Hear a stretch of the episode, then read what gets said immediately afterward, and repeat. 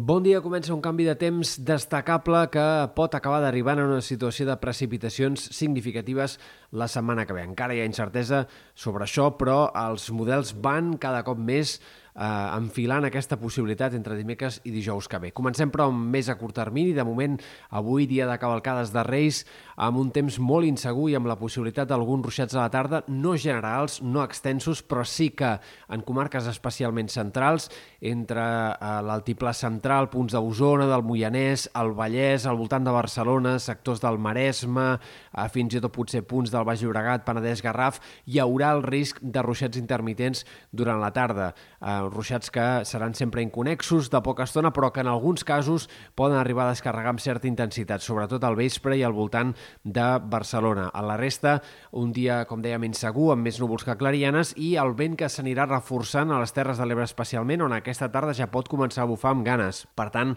a les comarques de l'extrem sud del país, molt més protagonista el vent que no pas eh, doncs, la possibilitat de pluja durant la cavalcada de Reis. Ratxes ja aquesta tarda de 60-70 km per hora. De fet, el vent s'anirà reforçant cada cop més els pròxims dies i tant aquest dissabte com aquest diumenge hi haurà ratxes fortes de més de 80-90 km per hora en sectors eh, del Pirineu, Prepirineu, a l'Alt Empordà i també especialment a les Terres de l'Ebre. Eh, esperem aquests cops de vent significatius tant dissabte com també diumenge i en general el vent també es deixarà sentir en molts altres indrets, no amb ratxes tan fortes però en moltes comarques centrals, eh, de Ponent també cal esperar que el vent reforci la sensació de fred aquest cap de setmana. Comença una baixada de les temperatures important, significativa, progressiva, que anirem notant ja aquest cap de setmana i que s'anirà eh, cada cop més eh, reforçant la setmana vinent. Per tant, entrem en un escenari de fred de ple hivern que, insistim, anirà a més a mesura que vagin passant els dies i que sembla que tocarà fons de cara a dimecres, dijous, divendres de la setmana vinent. El cap de setmana en general predominarà el sol, però seguirà nevant en sectors del Pirineu Occidental, on esperem que durant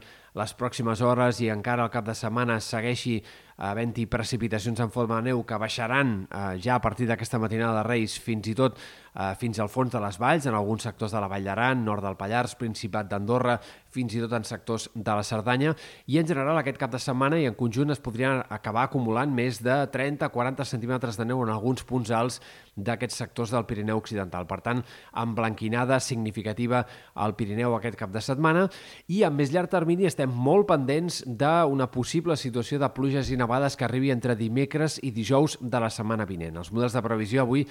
han reforçat una mica més aquesta possibilitat. Encara hi ha incertesa, encara no és gens clara aquesta tongada de precipitacions que arribaria entre dimecres i dijous, però és veritat que va guanyant cada cop més credibilitat, especialment en comarques de la meitat est de Catalunya, sectors del Pirineu, però també moltes comarques de Girona, Barcelona, nord de les Balears, és on a hores d'ara sembla més probable que la setmana que ve pugui haver-hi una ploguda i una nevada significativa. Eh, segurament seria amb neu a cotes eh, baixes, va, encara és aviat per saber si realment molt baixes o eh, fora del Pirineu, però en un context de cotes de 700-800 metres. Eh, tot això encara és molt aviat per eh, saber-ho, però sí que és veritat, insistim, que es va reforçant, va guanyant credibilitat aquesta possibilitat que pugui haver-hi acumulacions de precipitació significatives entre dimecres i dijous que ve una situació que aniria realment bé per començar a pal·liar eh, la greu sequera que afecta moltes comarques i que especialment eh, és més dura encara en aquest sector de la meitat est de Catalunya.